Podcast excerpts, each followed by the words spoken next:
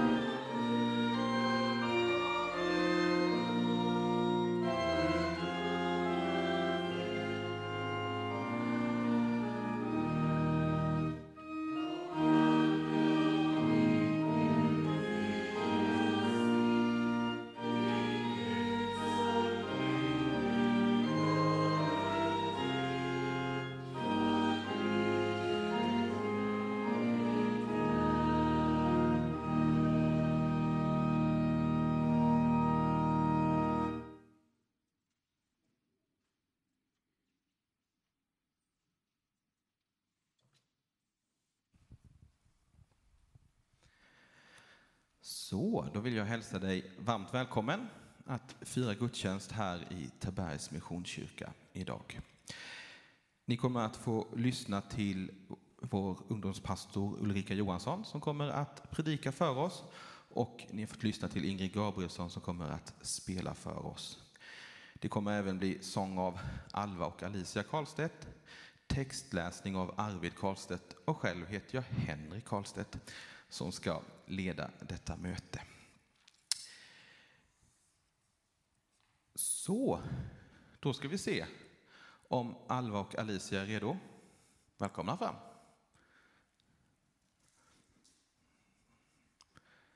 Nästan redo, ska bara ta på sig skorna också. Så, och vi övade lite hemma här och eh, när man är liksom fem, sex år så funderar man ju lite mer på texter än vad man kanske gör som gammal.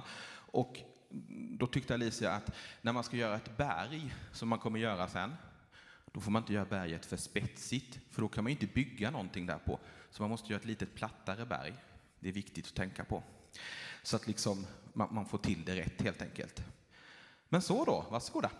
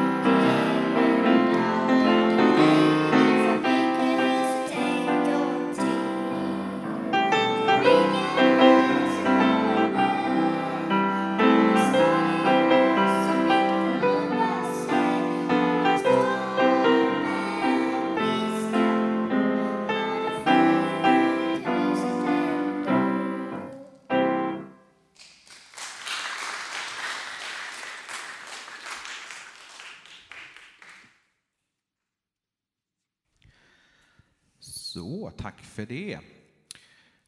Nu så ska vi tillsammans sjunga salmen 207. Och det är oftast en psalm som jag kommer tillbaka till och nästan passar den in vad som, tycker jag. Men eh, den tilltalar mig på ett sätt som gör att jag nästan alltid har med den. Så då sjunger vi tillsammans salmen 207. Ska vi ta alla verser? Jag är ju lite förespråkare av det. Ja, men vi kör, vi kör alla. Vi har tid med det idag.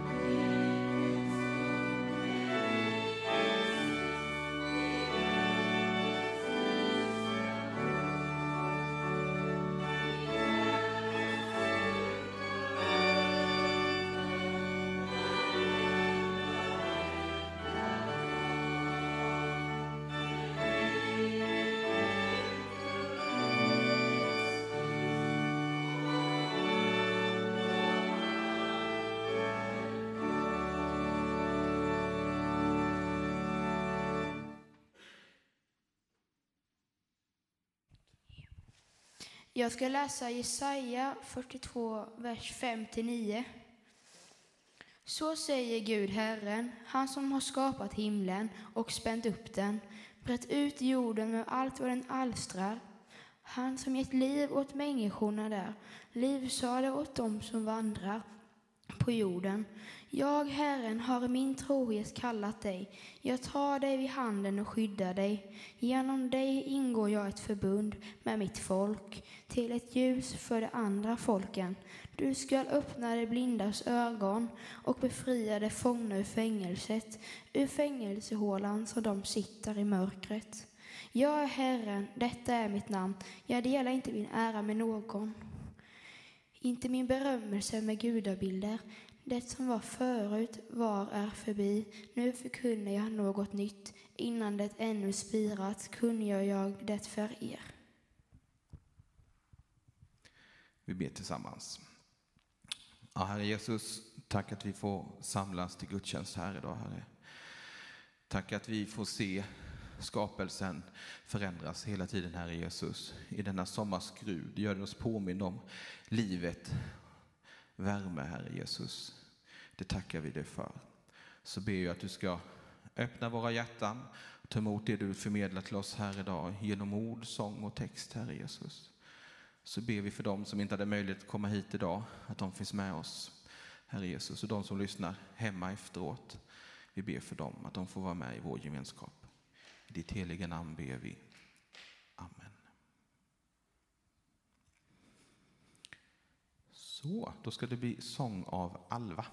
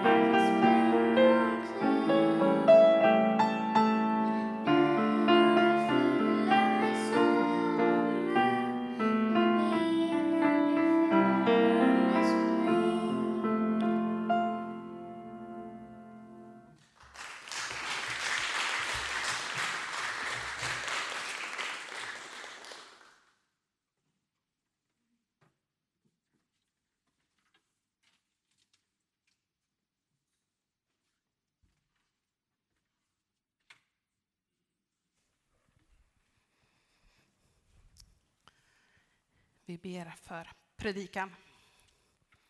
Herre, vi ber att du ska öppna våra ögon och öron och vårt hjärta för vad du vill nå in till oss, var och en idag. Och Herre, hjälp oss också att bubbla över av glädje och inte tystna när du manar oss att tala eller följa ditt uppdrag till oss.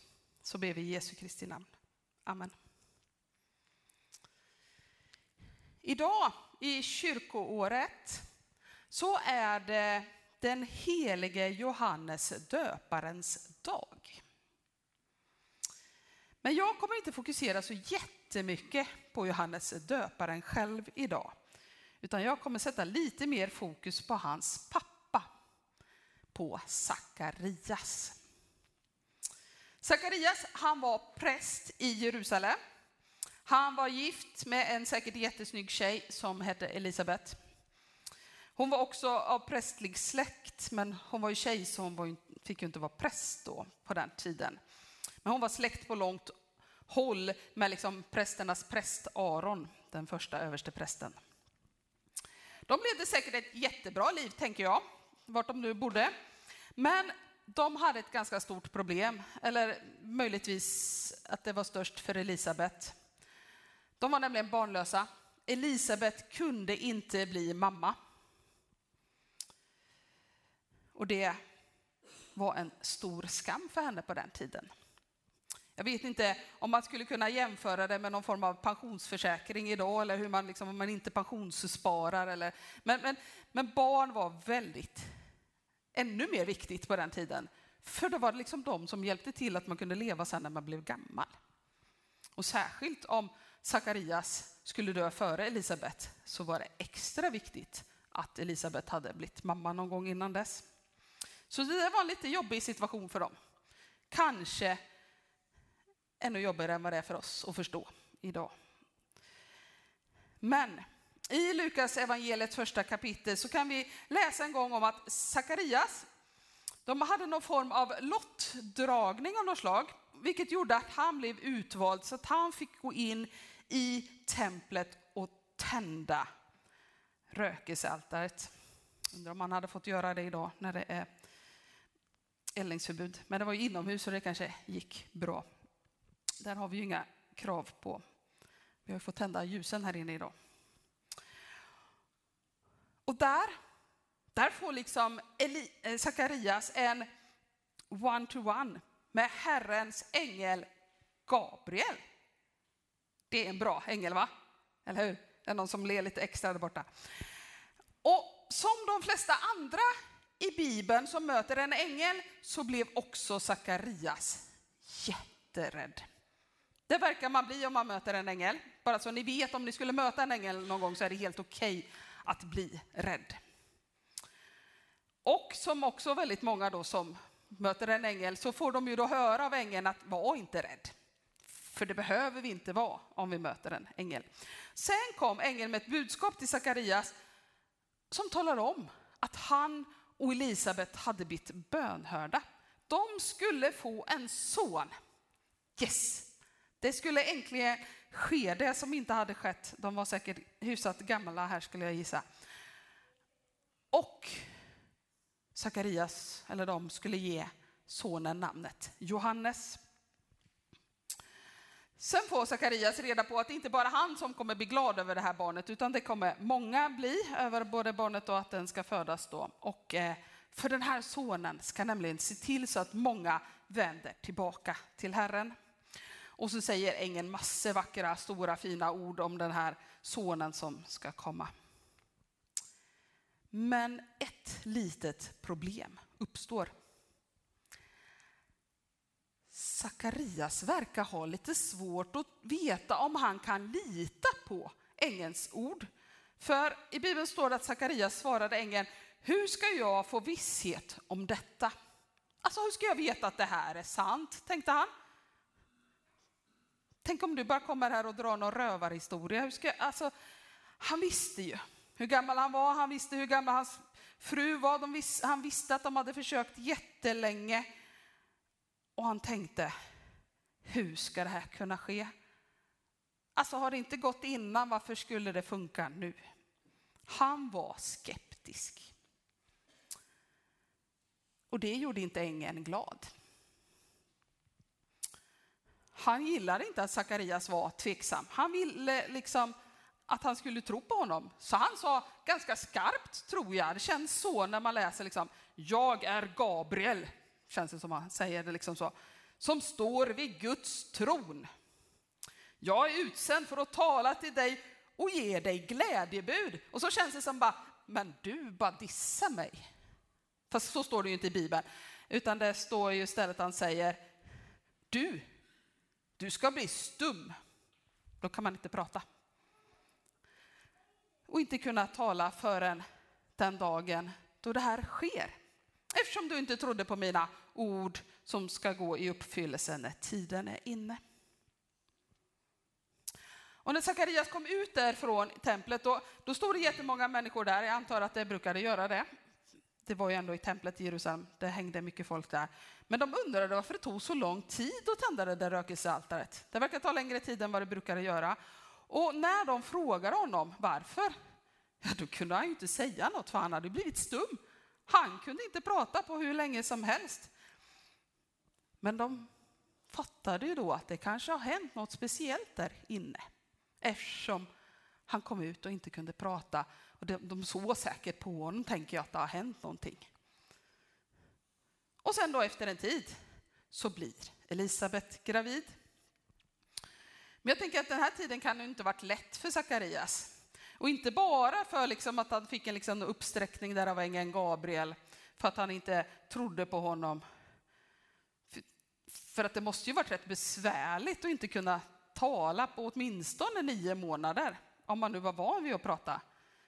Är någon som skulle vilja anta den utmaningen? Nej, det går inte, inte ni barn i alla fall, för ni går i skolan, då måste ni kunna svara på frågor, annars blir det ju inget bra.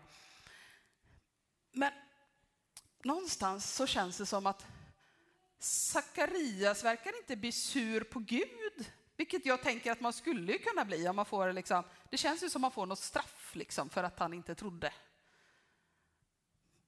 För Sakarias har ju fått ett uppdrag av gudar. Och någonstans så känns det som att man verkar se det här stora och goda i det här uppdraget. Han tog till sig det, han gjorde vad han behövde för att det skulle uppfyllas. Och så bevarade han allt det där som var gott i sitt hjärta. Och när, när sonen kom, när han hade fötts, då befriades hans tunga, står det. Det vill säga han kunde börja prata igen. Och då kom liksom alla känslorna på en och samma gång, som man sjunger i någon sång. Eller som prins Daniel sa, så var känslorna all over the place. Sakarias, all glädje över den där sonen och löftena som han fått om honom en gång. Det bara, det bara flödade ut i en härlig lovsång som vi har i Lukas kapitel 1, vers 67 till 80. Och så här står det där. Så här brast Sakarias ut. Hans far Sakarias fylldes av den helige ande och talade profetiska ord. Välsignad är Herren, Israels Gud, som besöker sitt folk och ger det frihet.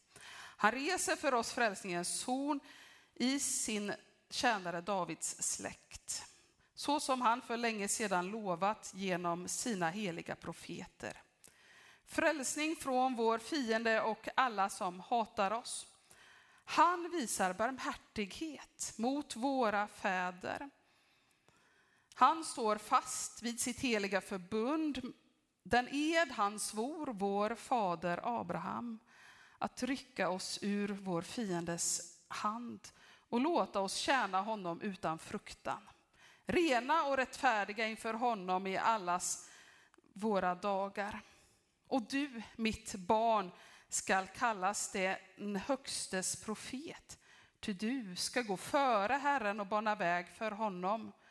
Så skall hans folk få veta att frälsningen är här med förlåtelse för deras synder genom vår Guds barmhärtighet och mildhet. Han ska komma ner till oss från höjden, en soluppgång för dem som är i mörkret och i dödens skugga och styra våra fötter in på fredens väg. Och pojken växte och blev stark i anden och han vistades i öde trakter till den dag då han skulle träda fram inför Israel. Låt mig nu ta mig på ett hopp till en fredagsfika efter fredagsbönen i början på den här månaden. Då fick jag ett mjölkpaket skickat till mig och fick det i handen i en vinkel så jag såg vem som hade tillverkat det där mjölkpaketet. I det fallet var det företaget Elopack, skulle jag gissa den lite billigare märket på marknaden. Men det fick mig att tänka på slogan på en annan tillverkare av mjölkförpackningar, vad de har för slogan. Och nu kommer en jättesvår fråga. Är det någon som någon gång har lärt sig vad det klassiska svenska företaget Tetra Pak har för slogan? För den är så bra, som man hört den så tänker jag att den kanske man kommer ihåg. Det har inte ni pluggat in. Nej, full förståelse för det. Men de har slogan Protect what's good. På svenska blir det bevara det goda. Och bevara det goda, tänker jag, att det är precis liksom vad Sakarias gjorde i den här situationen. Sakarias såg det goda, han såg liksom framåt och så byggde han vidare på vad som var gott i det där budskapet och det som hände inne i templet. Han byggde vidare på att han skulle få en son och det uppdraget som sonen skulle få, om att bana väg och, och gå före Herren. Det var liksom det som Sakarias satte fokus på. Och så la han undan liksom tidigare tvivel och den där osäkerheten han hade haft inför det där budskapet och löftena som Herrens ängel kom med. För kunde löftet om att en son skulle komma stämma? Ja, men då skulle säkert också alla de andra löftena som ängeln sa där också vara sanna. Och det tänker jag att där finns någonting vi kan lära oss någonting av. Att vi ska hitta vad det är som är gott och så ska vi bevara det och så ska vi bygga vidare på det. Låt mig ta ett exempel. Ni kanske kommer tycka att det är jättekonstigt, det tyckte jag också, men det kändes ändå rätt. Synd och omvändelse av synd, det pratar vi ju en hel del om i kyrkan, eller hur? Det är viktigt för vår tro. Det är centrala begrepp när vi pratar om vad Jesus gör för oss, vad han gjorde på korset. Men det är ju liksom inte synden i sig som vi ska bygga vidare på. Det är inte det vi ska bygga vår tro på. Nej, vi ska ju bygga vidare på, på nåden, på den stora kärleken Gud visar oss när han skickade sin son. Vi ska bygga vidare på alla de där andens frukter som vi får i vår relation med Gud. Vi ska bygga vidare på Bibelns budskap och allt det där goda som kommer av relationen som följer på efter att vi liksom har tagit emot budskapet om vad Jesus gjorde på korset.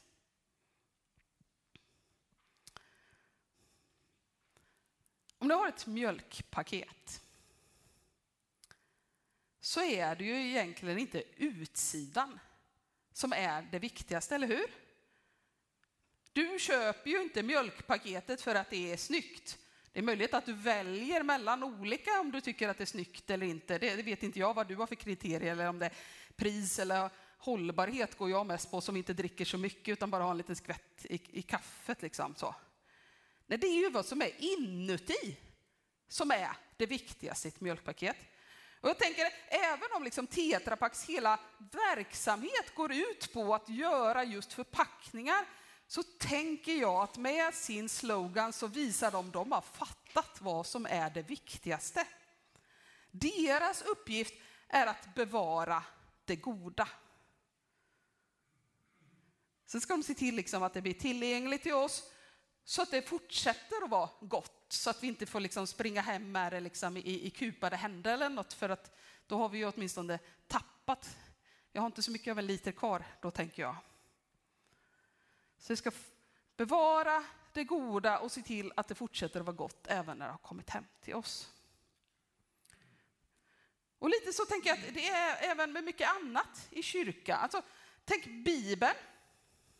Alltså det viktigaste är ju inte hur en bibel ser ut, om den är svart, eh, illgrön som min konfabibel är, om den är vinröd, hur sliten den är, spelar ju egentligen ingen roll, även fast det kan kanske ge någon viss hint om hur mycket du använder den eventuellt, eller hur länge du har haft den. Det är ju innehållet i Bibeln som är det viktigaste. Och det är ju det goda innehållet som vi ska bevara. Alltså när vi tar till oss det som är inuti och så ska det förhoppningsvis fortsätta också vara gott när det kommer in i oss. Det spelar heller ingen roll egentligen hur, vilka sätt eller hur det ser ut när vi uttrycker vår tro. Om vi lyfter händerna högt när vi sjunger lovsång, om vi faller på knä när vi ber, om vi ger mycket eller lite i kollekten, ursäkta Sivert, men, men jag tänker att det egentligen inte spelar någon roll för vår tro. Det är så mycket annat som vi kan försöka tro att det spelar någon roll. Och visst, alltså det vi gör med våra kroppar och de val och prioriteringar vi gör, det kan vara uttryck på hur våra liv är, hur mycket det är fyllt av Jesus eventuellt. Ja, kanske kan våra liv ändå vara så fulla av Jesus att det, det liksom det, det måste bubbla ut någonstans. Vi kan inte hålla tillbaka det. För allt det där goda som vi har fått emot, ta emot i vår relation med, med Jesus Kristus, det kan behöva bubbla ut ibland, som det gjorde för Sakarias där i sin lovsång efter det att han hade fått en son. Men jag tänker att det behöver inte vara så. För även hos den människa som har väldigt stark tro, om man nu kan mäta tro, jag är lite tveksam till om man kan det, även där så, man kan ha en stark tro utan att det syns så mycket uttryck utåt. Jag vet inte om ni någon gång i ert kristna liv har varit att ni känner att ni är i någon sån här hänga i soffan med Gud-stadie. Alltså, det är bara gött att vara med Jesus, men vi behöver inte snacka så mycket. Vi vet hur läget är. Det tycker jag är en ganska skön fas när man är där.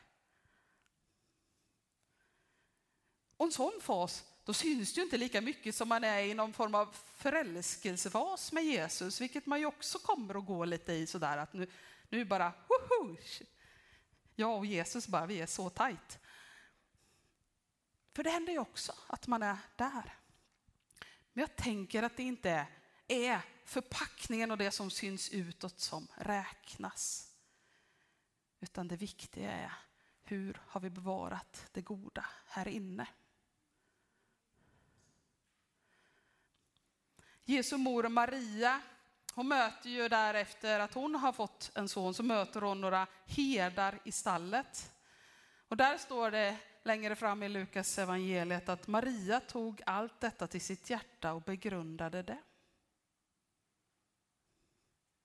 Det tänker jag är, då är det inte så. Men samtidigt så finns det, om man bara bläddrar tillbaka, liksom, även en lovsång av Maria efter det att hon har fått reda på att hon ska få en son. Så det går lite fram och tillbaka. Men jag hoppas att när ni är i det där läget att det, det håller på att bubbla över, att ni vågar låta det bubbla över ibland. Att inte hålla tillbaka uttrycken om den helige ande fyller på. Vi kanske får profetiska tilltal, känner att det bultar att jag måste säga det här. Håll det då inte tillbaka. Samtidigt så kanske vi sitter här ibland i kyrksalen och tänker att ja, nu måste nog Gud vara ganska tydlig för att jag ska låta, att han ska visa liksom att mina läppar ska lösas upp. Använda min tunga och våga säga det där som jag känner. Elisabet och Sakarias de hade grannar och släktingar och de trodde att de visste hur saker och ting skulle vara.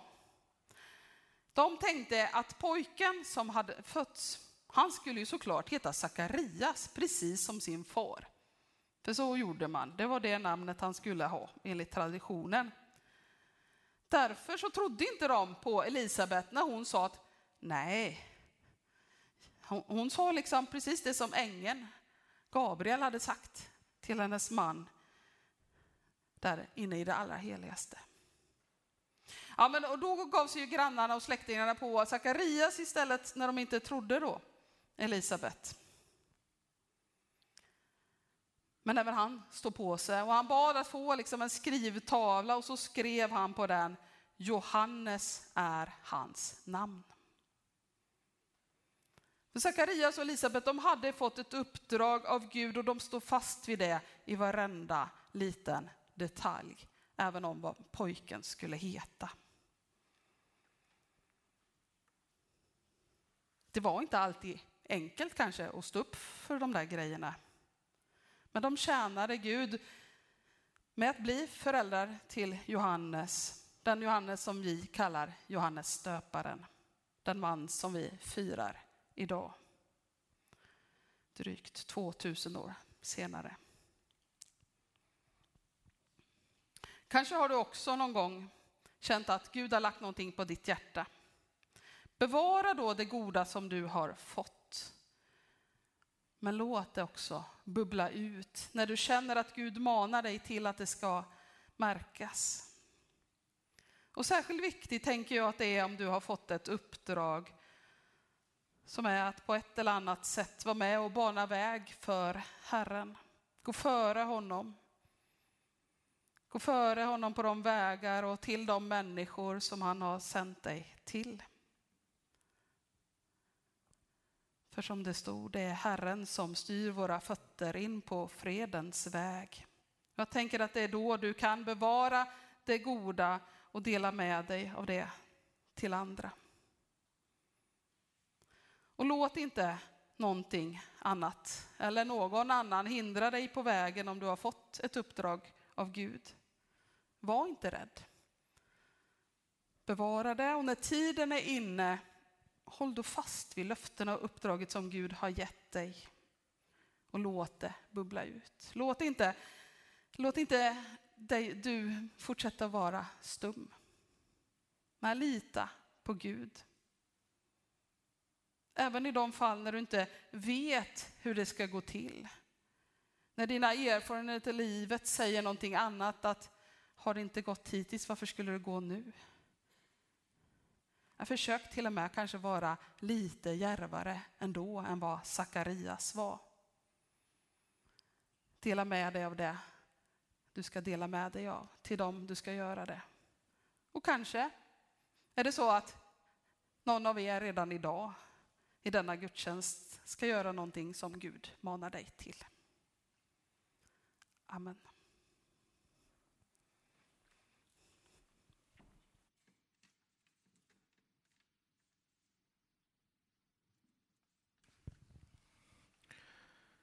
Ska vi tillsammans sjunga salmen 677, Hur ljuvligt att få vara. Och under den här salmen så samlar vi in veckans kollekt. Och nu för tiden så går det till så att man swishar in sin gåva och numret till Swish kommer upp här på skärmen bakom mig under salmen. Och är det så att du vill ge en kontant gåva så går det alldeles utmärkt att göra det när gudstjänsten är slut. Så kommer det stå ett bord vid utgången där man kan lämna sin kontanta gåva. Men låt oss tillsammans sjunga salmen 677.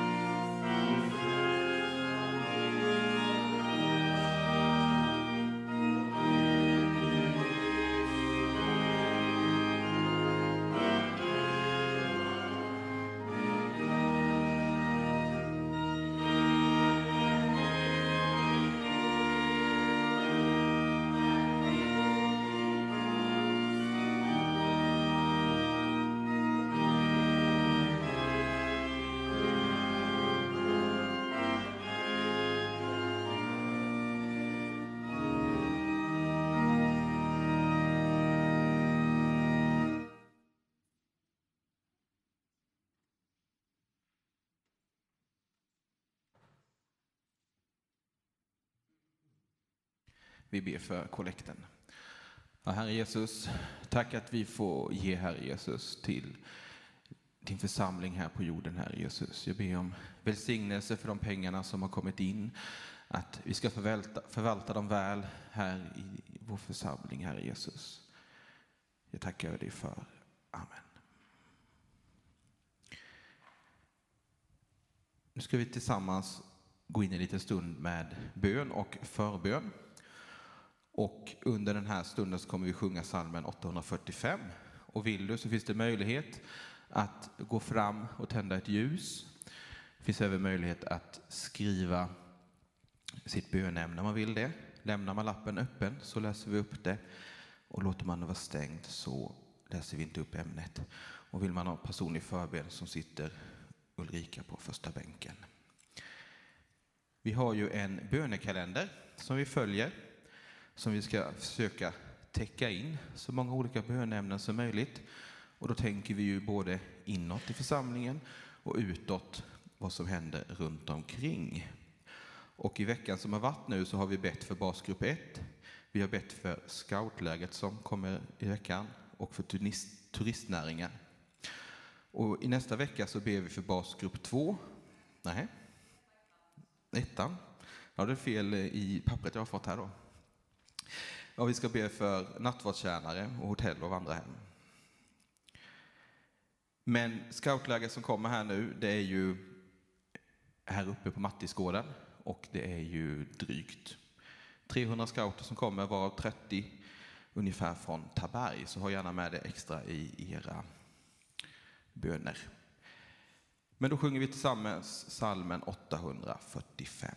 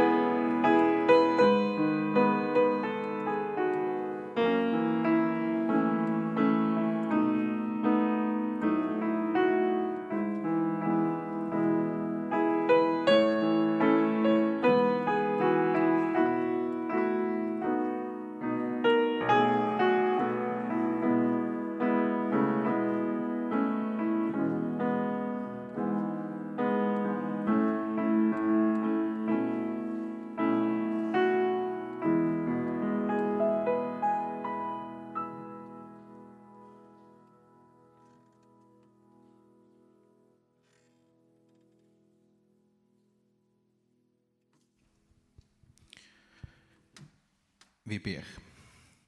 Ja, Herre Jesus, tack att du är med och omsluter basgrupp 1, Herre Jesus. För det jobb de ska lägga ner i veckan, Herre Jesus. Att de får vara med och tjäna praktiskt här i vår församling. Och så ber vi för scoutläget, Herre Jesus. Du ser de scouterna som ska iväg. Kanske den oro som finns att åka bort och sova borta en vecka, Herre Jesus. Vi ber för ledarna. Vi vet att det är en vecka av fantastisk glädje, gemenskap, men det är också en vecka då man får lägga mycket tid och slit, Herre Jesus. Omslut var och en, Herre Jesus, och skydda oss från olyckor och var med oss så att vi får ett gott, härligt väder. Och så ber vi också för turistnäringen, Herre Jesus. Du ser att Taberg som ort, Herre Jesus, för extra många som kommer hit. De vill titta på berget och kanske vandra längs med ån, Herre Jesus. Låt dem få se din skapelse, Herre Jesus, med dina ögon.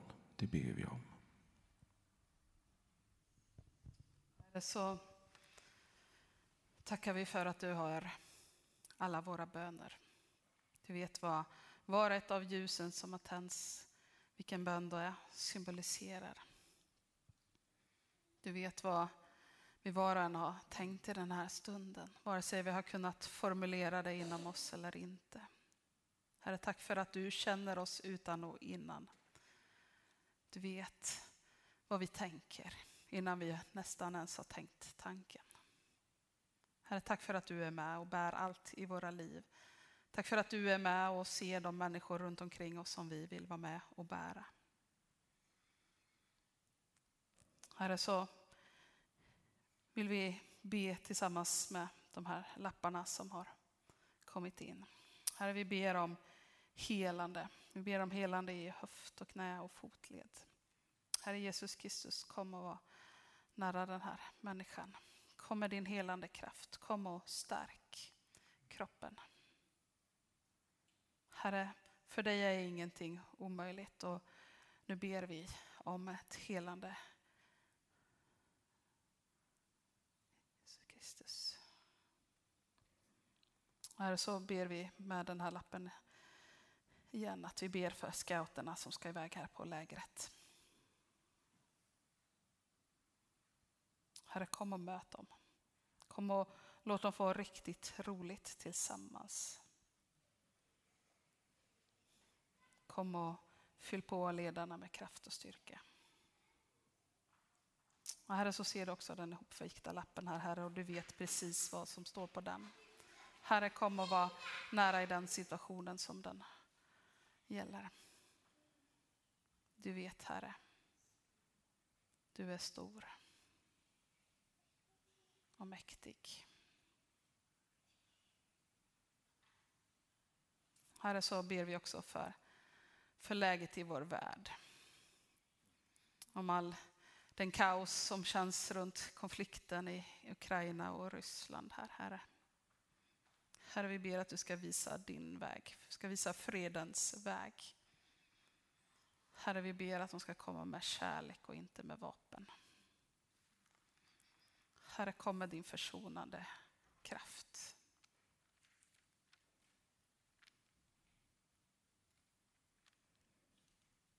Så vill jag också lämna en liten stund öppet ifall det är någon som känner att de har något de vill dela.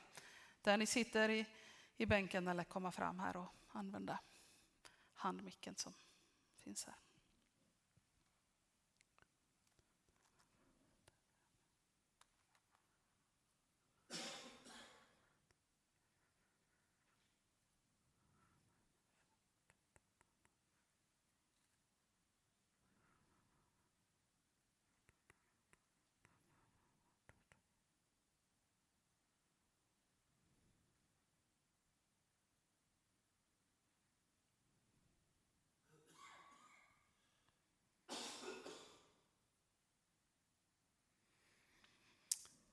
Innan Henrik förklarar vad vi ska sjunga och få lyssna kanske till här på slutet så vill jag också skicka med er Herrens välsignelse.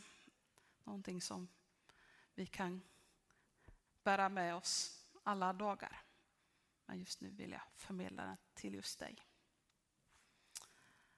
Herren välsigne dig och bevara dig.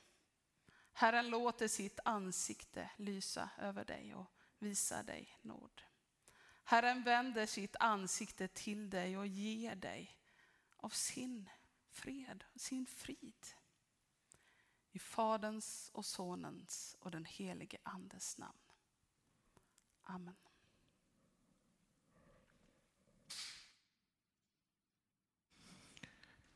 Då ska vi sjunga den sista salmen tillsammans och det blir psalm 201, En vänlig grönskas rika dräkt. Och jag tycker vi sjunger alla fem verserna för det får man ihop helheten på ett fint sätt. Så psalm 201. Då, då var det lite jobbigt, vi har bara tre på skärmen säger tekniken här. Då får vi förhålla oss till den tekniska eh, verkligheten och sjunga verserna 1, 2 och 3. Då blir det bara tre versar tyvärr. Så får ni läsa de två andra och begrunda dem själva. Vi sjunger alltså salmen 201, verserna 1, 2 och 3.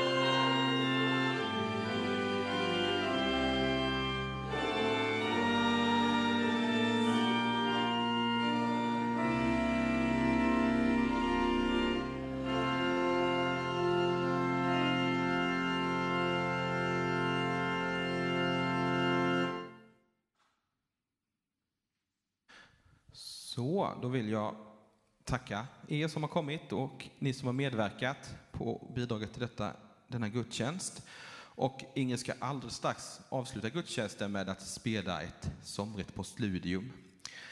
Men jag vill välkomna er nästa söndag till gudstjänst igen. Då är det Daniel Lundstedt som kommer att predika. Han är ju känd i denna församling.